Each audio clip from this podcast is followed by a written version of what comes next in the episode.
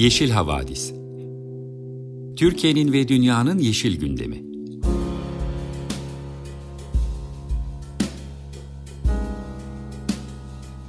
Hazırlayan ve sunanlar Demet Yaman Er, Savaş Çömlek, Dilan Altın Makas, Sare Abit ve Tansu Yeşilkır.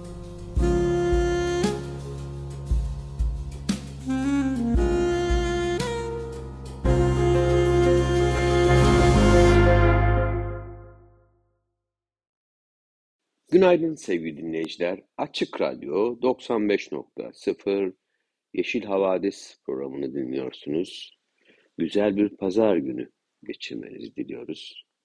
Geçen hafta olduğu gibi bu haftada ülkemizin ve gezegenin en önemli gündemi kuşkusuz COP28 ve biz de ana akımın aksine onların gözden ırak tutmak gayretlerin aksine daha çok bu konuyu işlemekte ısrar edeceğiz. Bugün de Yeşil Havadis programında COP28 ile ilgili haberlerle doldurup olup bitenleri dinleyicilerimizle paylaşmak istiyoruz. Tabii ki haberlerimizin çoğu Yeşil Gazete'den alındı. Zaten bildiğiniz gibi Yeşil Havadis programı Yeşil Gazete'nin gözünden haftanın ekoloji ve iklim gündemini konuştuğumuz dinleyicilerimizle Yeşil Gazete'den aldığımız haberleri paylaştığımız bir program. Güne günün fosilleri listesinde kimler var haberiyle başlayalım. Günün fosillerini seçmek COP28'de neler olup bittiğini görmenin önemli yollarından bir tanesi. Çünkü sivil toplum COP28 ve bütün COP'larda günün fosilleri ödüllerini vererek olup bitenleri bu ödüller aracılığıyla kamuoyuyla paylaşıyorlar. Yeşil Gazete'deki haber Avrupa İklim Ağı aracılığıyla e, yapılmış, Aşe Bereket tarafından çevrilmiş. Birincilik ödülü Yeni Zelanda'ya verilmiş. Çünkü COP28'e gelirken trafik işaretlerini görmedi mi yoksa? Oysa yaşanabilir bir gezegen için çıkılan yolda U dönüşü yapmak yasak. Yeni Zelanda bugüne kadar söylenmesi gereken ne varsa söylüyordu. Yerli halkların sesini dinliyordu ve fosil yakıtlarından çıkışın öncülerindendi. Ancak direksiyonun başına yeni bir hükümetin geçmesiyle birlikte ülke yoldan çıktı ve Yeni Zelanda'nın karasularını petrol ve doğal gaz sontajını açma planlarını açıkladı. Bunun için de COP28'in ilk günün fosili ödülü kazanmaya hak kazandı. İklim Değişikliği Bakanı Watts, iklim krizinin tehlike çanlarını duymuyor mu acaba? Bakan aldıkları bu kararın yol açacağı iklim felaketlerini hafife alıyor olabilir ancak bu kararı trajik olarak tanımlayan komşu ada ülkesi Palau ve bizler vehametin farkındayız. İkincilik ödülü ise yeşil boyama taktikleri nedeniyle Japonya'ya verilmiş sevgili dinleyiciler.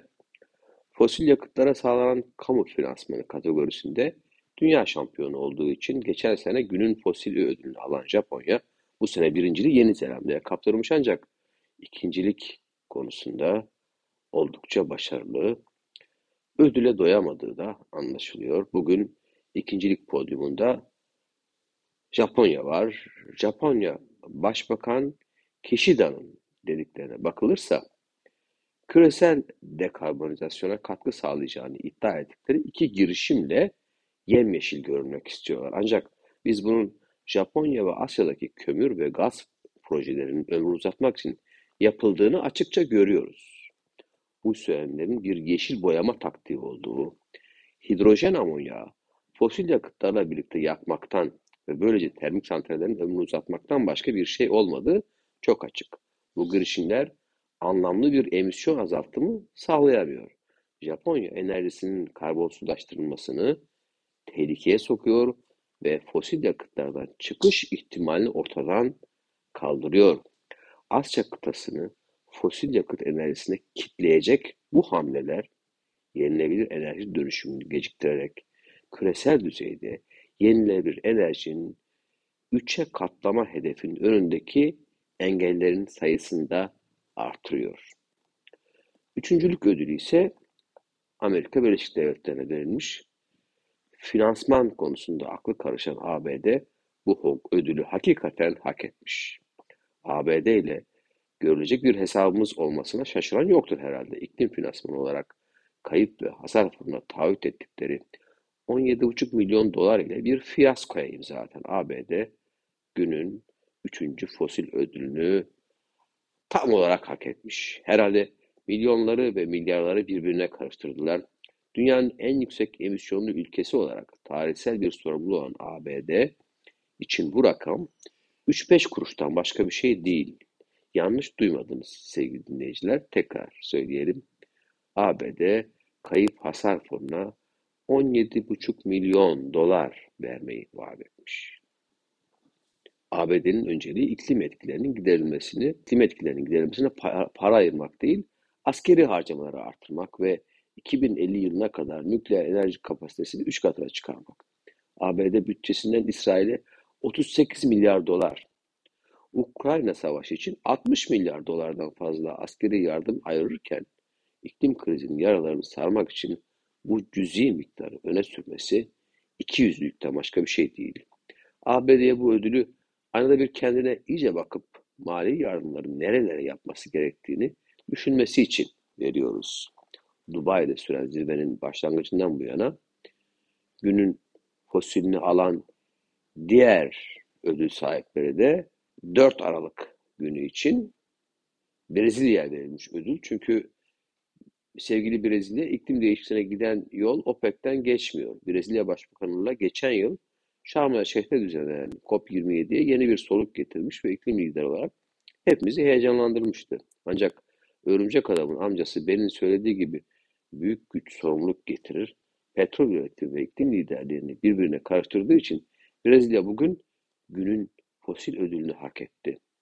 Arkadaşlar ister inanın ister inanmayın Brezilya OPEC'e katılmayı düşünüyor. Daha da fenası Lula'nın Enerji Bakanı Silveira ne akla hizmetse bu açıklamayı COP28'in ilk günü yapmayı uygun görmüş. Petrol şirketi CEO'sundan COP başkanı olunca böyle açıklamalarla teşvik edilmiş oluyor tabii ki. 13 Aralık'ta yani COP bittikten bir gün sonra 603 yeni petrol sahasını ihaleye çıkararak konunun tesadüf olmadığı anlaşıldı. Ey Brezilya, 2025'te ev sahipliği yapacağınız COP30 için Belem'e geldiğimizde petrol sahalarımızda gezintiye çıkmak istemiyoruz. İlla bir kulübe üye olmak istiyorsanız size OPEC artı yerine fosil yakıtların yaygınlaştırılmasını önleme anlaşmasını imzalayan komşunuz Kolombiya'nın izinden gitmenizi öneririz. Şeref ödülünün sahibi ise Güney Afrika. Güney Afrika, kömür madenciliği faaliyetlerini artırma kararıyla ve verdiği sera gazı emisyon azaltımı taahhütlerini ihlal ederek şeref ödülüne layık görmüş. 5 Aralık'ın günün fosili ödülü ise ABD'ye verilmiş. ABD tabi ödüle doymuyor.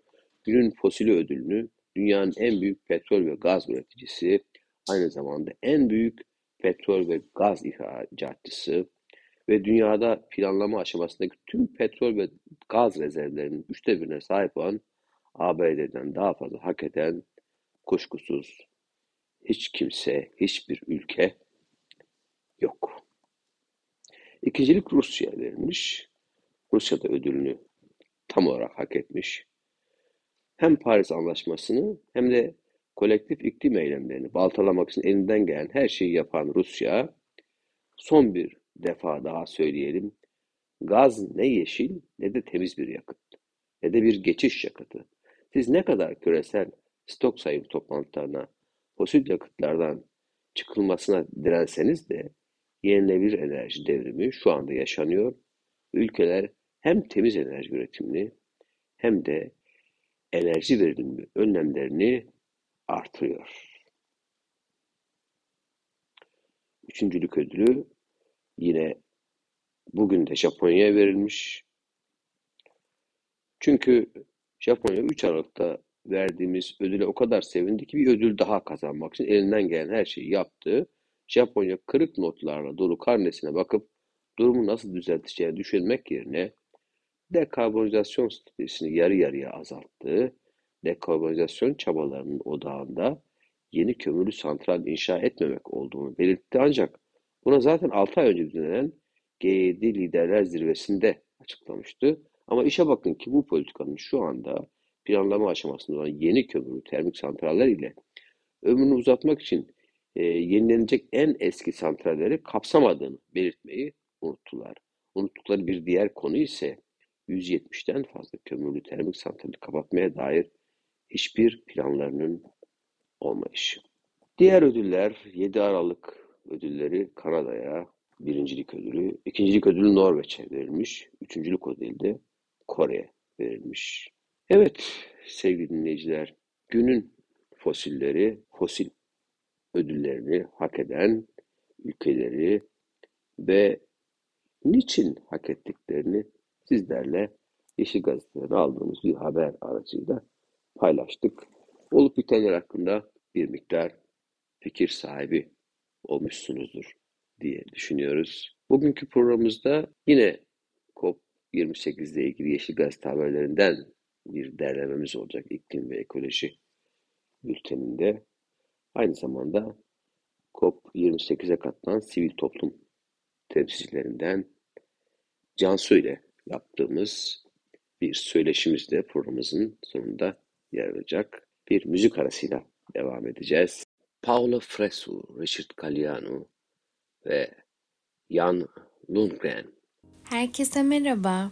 Ben Dilan Altınmakas. Hepinize çok güzel bir pazar sabahı diliyorum. Yeşil Havadis'in bu bölümünde iklim bülteni ile karşınızdayım. Bu bülten COP28 ağırlıklı bir bülten olacak.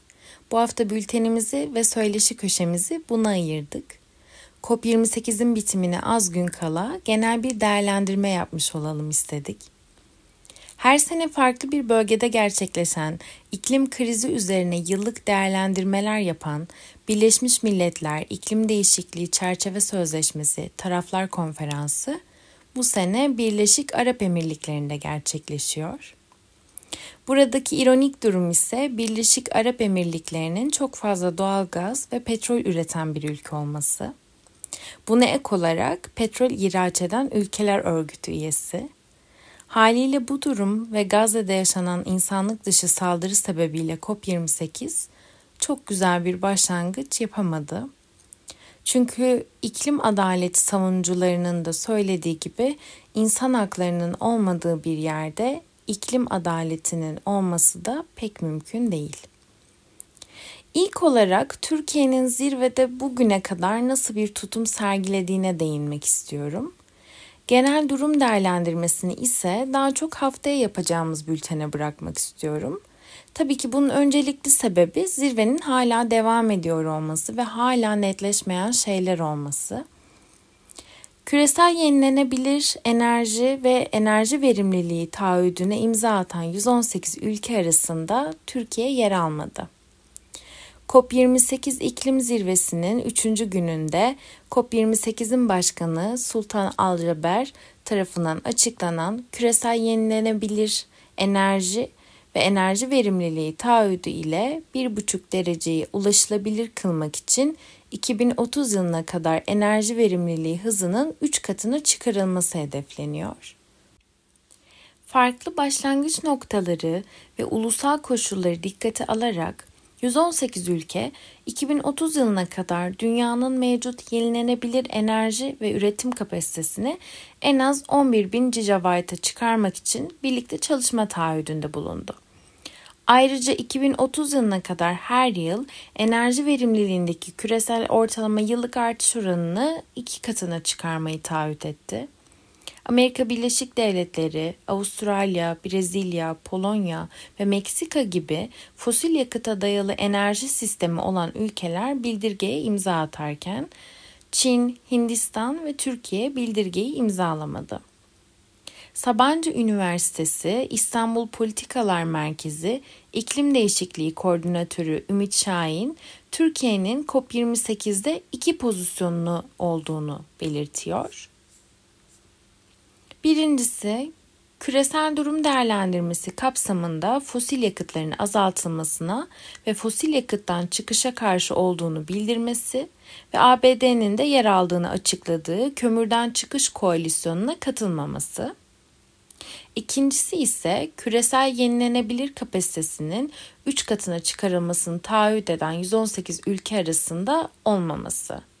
Halbuki Azerbaycan ve bazı körfez ülkeleri bile bu taahhüdün altına imza attı.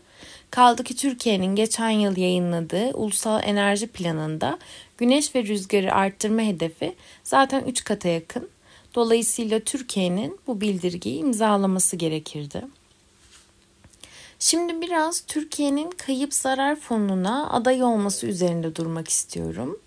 Kayıp zarar fonu iklim değişikliği nedeniyle meydana gelen zarar ve kayıpların tazmini için iklim krizine sebep olan ilk ve öncelikli ülkelerin bu borcu ödemesi fikrinden yola çıkarak kuruldu. Bundan faydalanması gereken ülkelerde ilk ve öncelikli olarak en az gelişmiş ve en kırılgan yani bir anlamda iklim krizine sebep olmayan, tarihsel olarak hiçbir sorumluluğu olmayan ülkeler. Yani kayıp zarar fonu tarihsel olarak iklim krizi üzerinde sorumluluğu olan ülkelerin sorumluluğu olmayan ülkelere kasırga, sel, orman yangını ve benzeri felaketlere uğradıklarında veya uğramadan önce bu felaketlerin toparlanması için vermeleri gereken finansal destek. Bu noktada Ümit Şahin'in yorumunu paylaşmak istiyorum sizlerle. Ümit Şahin geçtiğimiz gün Yeşil Gazete'de yayımlanan açıklamasında Türkiye'nin gelişme sıralamasına baktığımız zaman tarihsi, tarihsel sorumluluğu en yüksek ülkelerden biri olmasa da yine de hiç sorumluluğu olmayan bir ülkede olmadığını vurgulamış. Dolayısıyla bu fondan para alması gereken Türkiye'den önce birçok ülke olduğunun altını çizmiş. Şu an toplanan miktar iklim değişikliğinden zarar gören tüm ülkeleri kapsamadığı için önceliği daha kırılgan, gerçekten de iklim değişikliğinde bir sorumluluğu olmayan veya mücadele etmek konusunda imkanı olmayan ülkelere vermek iyi olacaktır şeklinde de devam ettirmiş açıklamasını. Şimdi biraz kayıp zarar fonunun detaylarına değinmek istiyorum. İklim acil durumundan en fazla sorumlu olan zengin ülkeler şimdiye kadar kayıp ve hasar fonuna toplamda 700 milyon doların biraz üzerinde bir meblağ taahhüt etti. Bu gelişmekte olan ülkelerin geri dönüş olmayan ekonomik ve ekonomik olmayan kayıplarının %0,2'sinden daha azına denk geliyor. Oysa Uluslararası Para Fonu'nun geçen yazki açıklamasına göre fosil yakıtlara yönelik doğrudan veya dolaylı sübvansiyonlar sağlık maliyetleri gibi kanıtlanmış etkileri sayılmadan bile 7 trilyon doların üzerine çıkmış durumda. COP Başkanı Sultan Alceber'in zirvenin ilk gününün açılışında duyurduğu kayıp zarar fonu, gelişmekte olan ülkelerin zorlukla kazanılmış bir zaferi olarak değerlendirilmişti. Bu ülkeler iklimi bozan ve çevreyi kirleten gelişmiş ülkelerin nihai olarak fon sağlama taahhüdünün sinyalini vereceğini ummuştu. Yıkımın bir kısmı için mali destek halihazırda devam ediyor. Ancak şu ana kadar verilen taahhütler ihtiyaç duyulanın çok çok gerisinde kaldı. Gelişmekte olan ülkelerdeki kayıp ve hasarın yılda 400 milyar dolardan fazla olduğu tahmin ediliyor ve bu rakam giderek artıyor. Hasarın yıllık maliyetine ilişkin tahminler 100 milyar ile 580 milyar dolar arasında değişiyor. COP28'e ev sahipliği yapan Birleşik Arap Emirlikleri ve Almanya 100'er milyon dolarlık taahhüt verdi.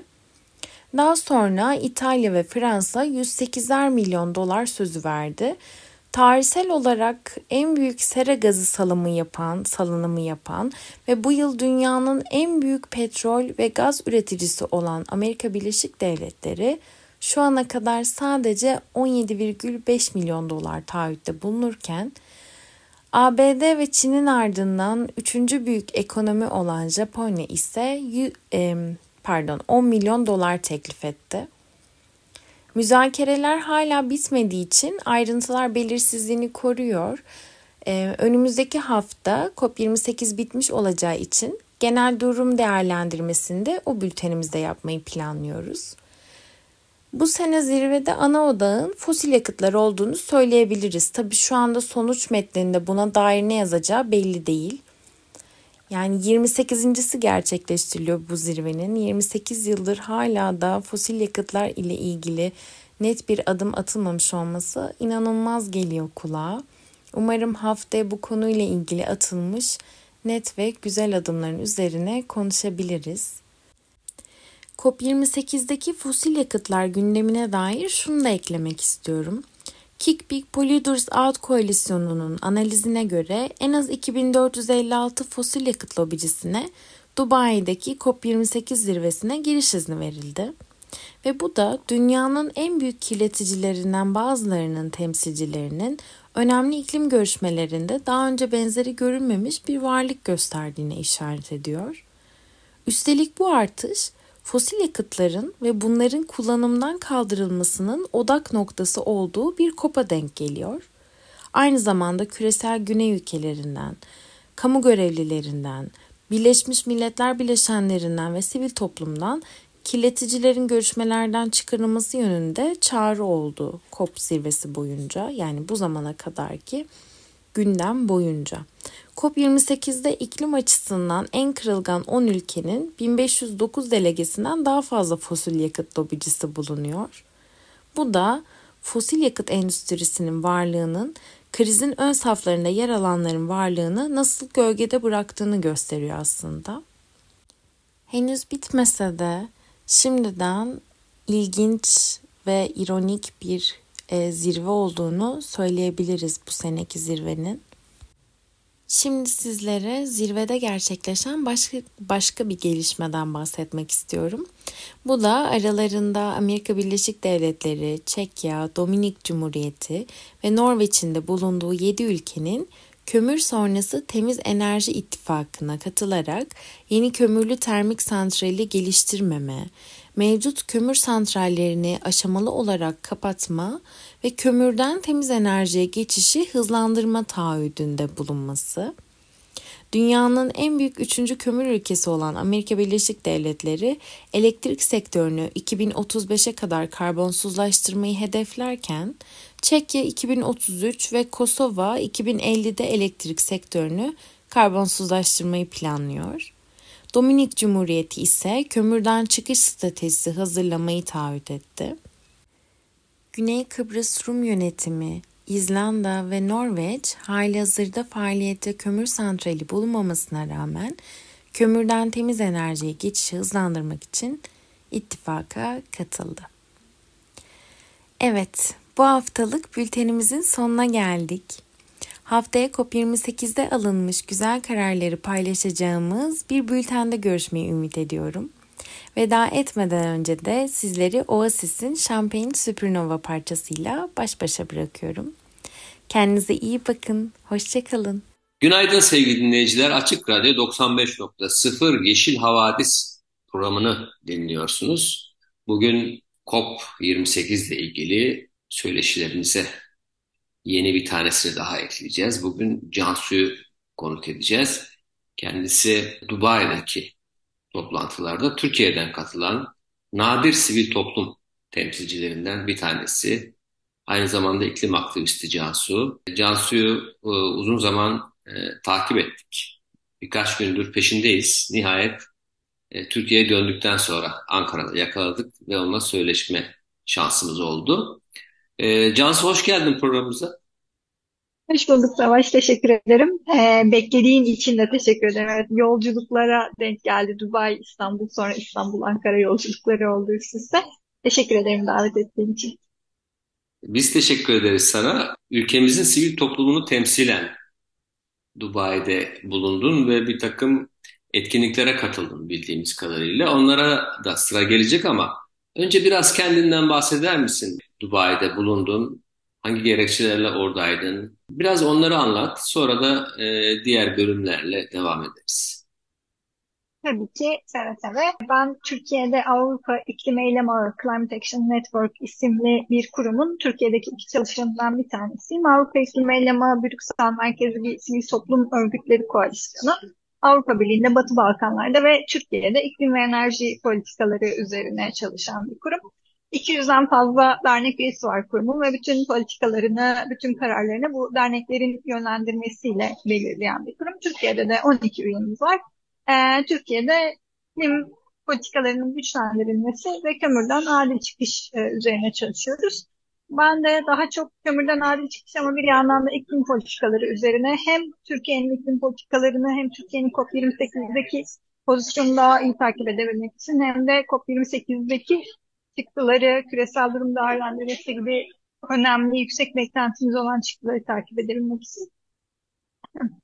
Ee, hem de e, Avrupa İklim Eylem Ağı'nın e, bir çalışanı olarak oradaydım. Avrupa İklim Eylem Ağı e, uluslararası iklim eylem ağıyla birlikte COP'larda, Birleşmiş Milletler iklim zirvelerinde ciddi aslında e, iklim eylemi açısından ciddi bir yer tutuyor. Oradaki iklim hareketi üzerine çalışan sivil toplum örgütlerinin koalisyonu açısından ciddi yer tutuyorlar. Özellikle Ken International Uluslararası İklim Eylem Ağı bunu sağlıyor. Avrupa İklim Eylem Ağı da daha çok e, son iki senedir ben Avrupa İklim Eylem Ağı ile birlikte COP'a katılıyorum. E, COP'taki eylemleri, halkların taleplerini, sivil toplumun taleplerini yükseltmek için ve özellikle küresel güneydeki taleplerin Avrupa Birliği ülkeleri tarafından duyulmasını sağlamak için çalışıyor. Kısaca böyle. Senin varlığın, bizi temsil etmen gerçekten çok memnun edici. Ama e, bizim duyabildiğimiz kadarıyla, izleyebildiğimiz kadarıyla sivil toplum temsillerinden daha çok lobicilerin bulunduğu bir COP toplantısı oldu bu. Üstelik de Dubai'de oluşu, petrolün, fosil yakıtların önemli merkezlerinden birinde bu toplantının yapılıyor oluşu bizim kafamızda bir sürü soru işaretleri yarattı. Mısır'da da aynısı olmuştu, Dubai'de de. Bizim duyabildiğimiz kadarıyla aynı şeyler oluyor. Sivil toplumun sesini orada duymak pek mümkün olmuyor. Hatta geçen hafta Mahir arkadaşımıza sorduk. Sivil toplum nasıl gidiyor, sivil toplum etkinlikleri, onların sesini duyabiliyor muyuz diye sordum. O da esprili bir cevap verdi. Burada duyabildiğimiz tek ses araba sesi dedi bize. Ama e, senden öğrendiğimiz kadarıyla senin katıldığın bir takım eylemler de yapıldı bu arada. O kadar da korkunç değil vaziyet anladığım kadarıyla. En azından bir gayret, bir mücadele varmış gibi sanki. E, sivil toplum temsilcisi olarak senin katıldığın eylemler nelerdi? Ne tür eylemlere katıldınız? Hangi mesajları vermek istediniz? E, belki buradan bir kez daha duyurmak isteriz. Sonuçta medya dışında sesinizi duyabileceğiniz çok da bir olanak yok bildiğimiz kadarıyla. Ee, evet, bir kez daha buradan paylaşmak çok iyi olur. Ee, yani bu arada Mahir'in burada duyabildiğimiz tek ses araba sesi yorumu güzelmiş. Ee, orada eylemler oldu. Biz eylemleri organize de ettik, katıldık da e, Avrupa Eğitim Eylemi olarak. E, ama durum korkunç mu dersen bence de oldukça korkunç. Bu yıl e, halkların iklim yürüyüşünün olmadığı bildiğim kadarıyla ikinci yıl oldu. Geçen yıl Mısır'da da halkların iklim yürüyüşü yapılmamıştı. E, taraflar konferansında, COP'larda bir mavi alan oluyor Blue Zone ve bu alana erişim oldukça zor. Ee, az önce senin de bahsettiğin 400 küsur fosil yakıt delegesinin girdiği e, alan bu alan bu yıl.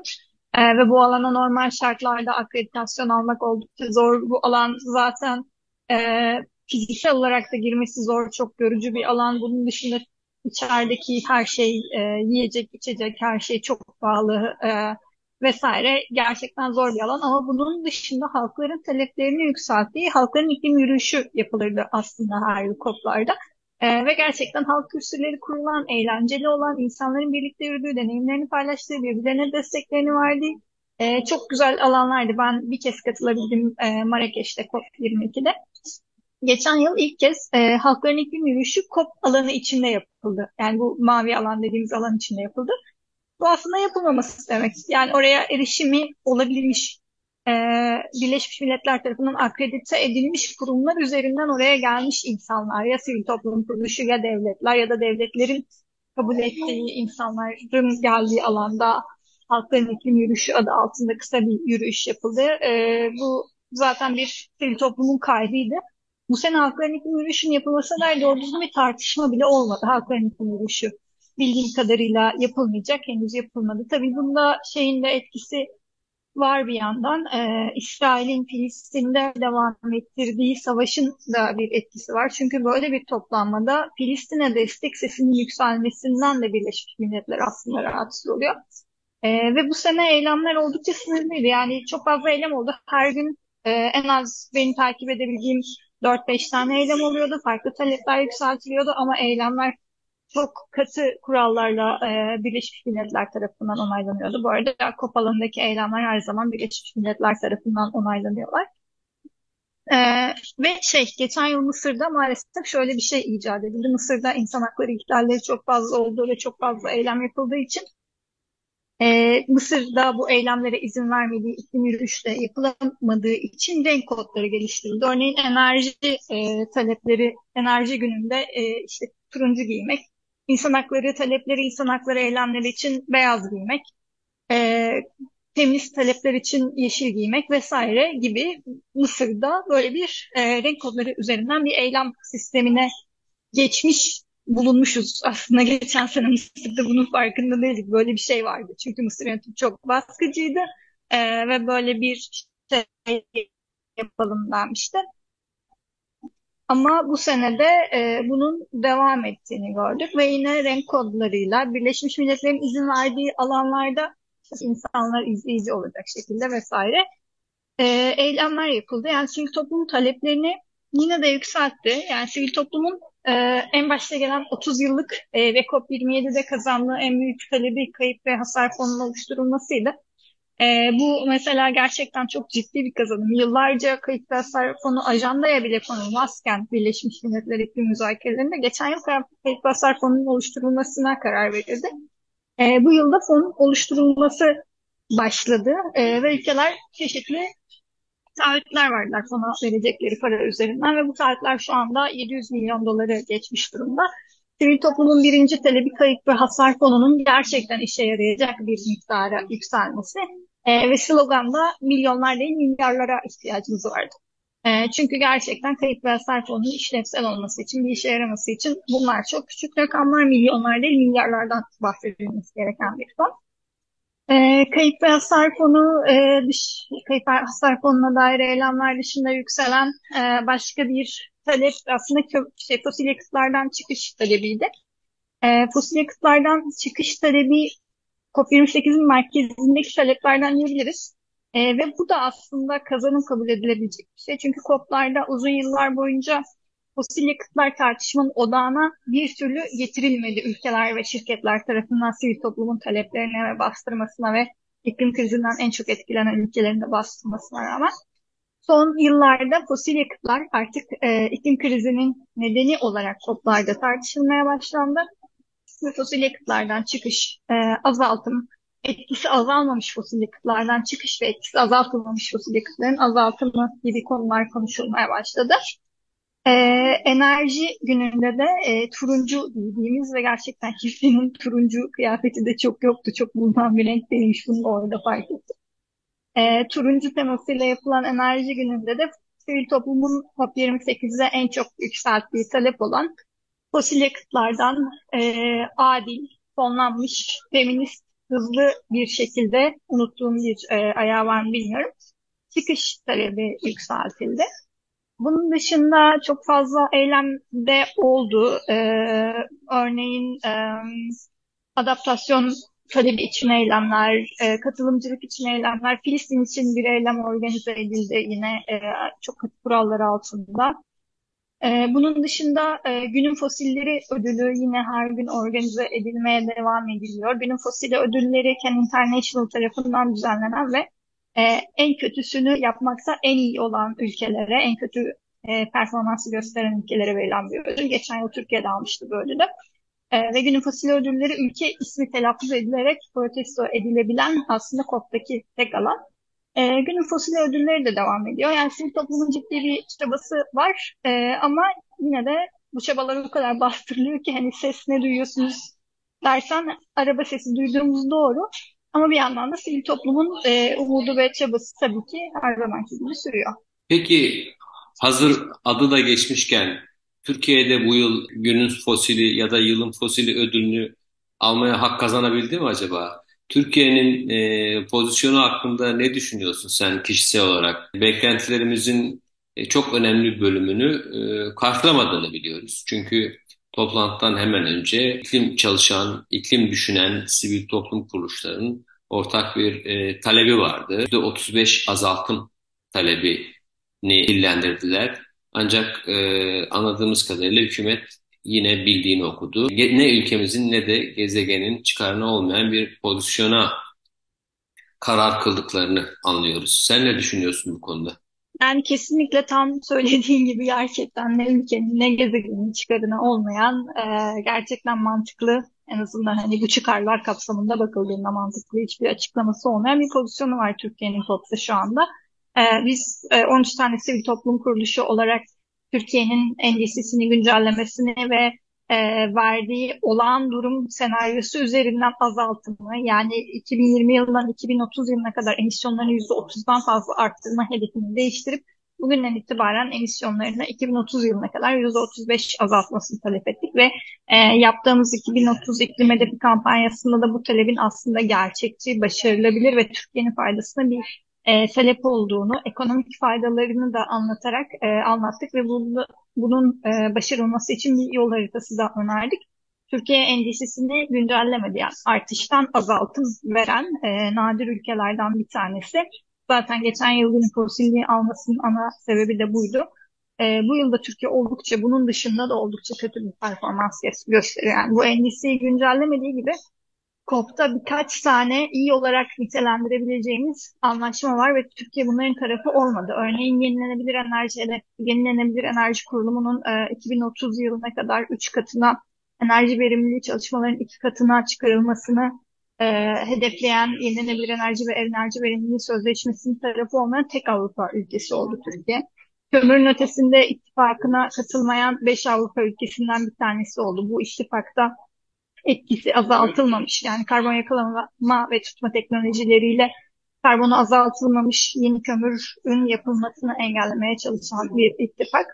Ee, Türkiye buna da katılmadı. Bunun dışında iklim ve sağlık üzerine bir deklarasyon yayınlandı. Buna da katılmadı. Ee, bir yandan azaltım taahhüdü vermezken e, ulusal katkı beyanında iklim krizine katkısı en az olan ve bu krizden en çok etkilenen ülkelerin yararlanması için oluşturulan kayıp ve hasar fonundan e, fon almayı talep etti. Bu da oldukça absürttü.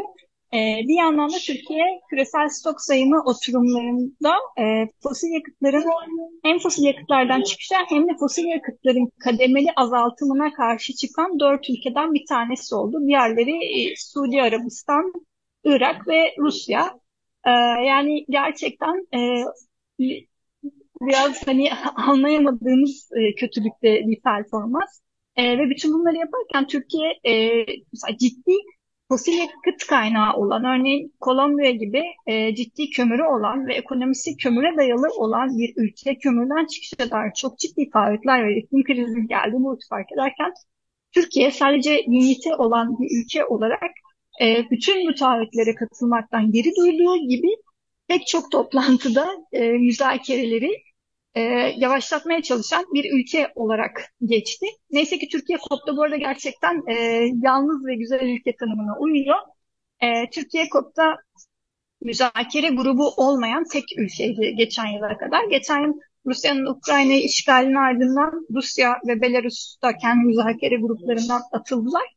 E, ama Türkiye özgür iradesiyle herhangi bir müzakere grubunda olmayan tek ülke. Bu da Türkiye'nin elini aslında zayıflatıyor e, müzakerelerde. E, ama yine de Türkiye var olan gücünü de iklim eyleminin karşısında kullandığı bu yıl gerçekten üzücü bir pozisyonu. Cansu bu soruyu sormam lazım mı değil mi bilmiyorum ama gene de sorayım. Sormayı düşünmüştüm çünkü.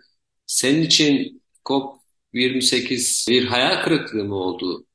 Yoksa e, söyleyebileceğin pozitif şeyler de var mı? Son bir üç beş cümle sarf eder misin bu konuyla ilgili? COP28'in hayal kırıklığı olması konusu benim aklıma şey getiriyor. Geçen gün arkadaşlarla bir Netflix filmi izleyip kötüydü ama beklentimiz düşüktü gibi bir noktaya varmıştık. Yani COP'lardan beklentimiz zaten e, ciddi bir iklim devrimi yapılması değil aslında. COP'lardan beklentimiz ilerleme kaydedilmesi. COP28 E, COP27'ye göre yani kayıp hasar fonunun oluşturulduğu aslında tarihi kabul edilebilecek COP'a göre e, daha yavaş mı gidiyor? Evet daha yavaş gidiyor. İşte küresel durum değerlendirmesi tam olarak istediğimiz gibi gitmiyor ama e, ikinci haftanın sonunda sanırım biraz daha e, net bir şey söylenebilir ama şu anda en azından e, beklediğim gibi yani daha doğrusu istediğim gibi gitmemekle birlikte, umduğum gibi gitmemekle birlikte e, çok büyük bir şok veya hayal kırıklığı içinde değilim aslında. Çok yüksek bir beklentim yok. Koplar her zaman sivil toplum için hayal kırıklığı da barındırıyor. Buna da hazırlıklıydık diye düşünüyorum. Ama sivil toplumun alanının daraltılması açısından hayal kırıklığı yaratan bir koptu. Evet, e, sevgili dinleyiciler, bugün Elif Cansu İlhan'ı konuk ettik Yeşil Havadis programında. Süremizin de ne yazık ki sonuna geldik. Şimdilik ya da bugün için sizlere hoşça kalın diyoruz. Cansu programımıza katıldığın için çok teşekkür ederiz. Ben teşekkür ederim davet ettiğin için Savaş. Teşekkür Müzik ederim. arasıyla size veda edeceğiz. Hoşça kalın. Programa başladığımız gibi yine Paola Fresu ve arkadaşlarından bir parça dinleyerek veda ediyoruz.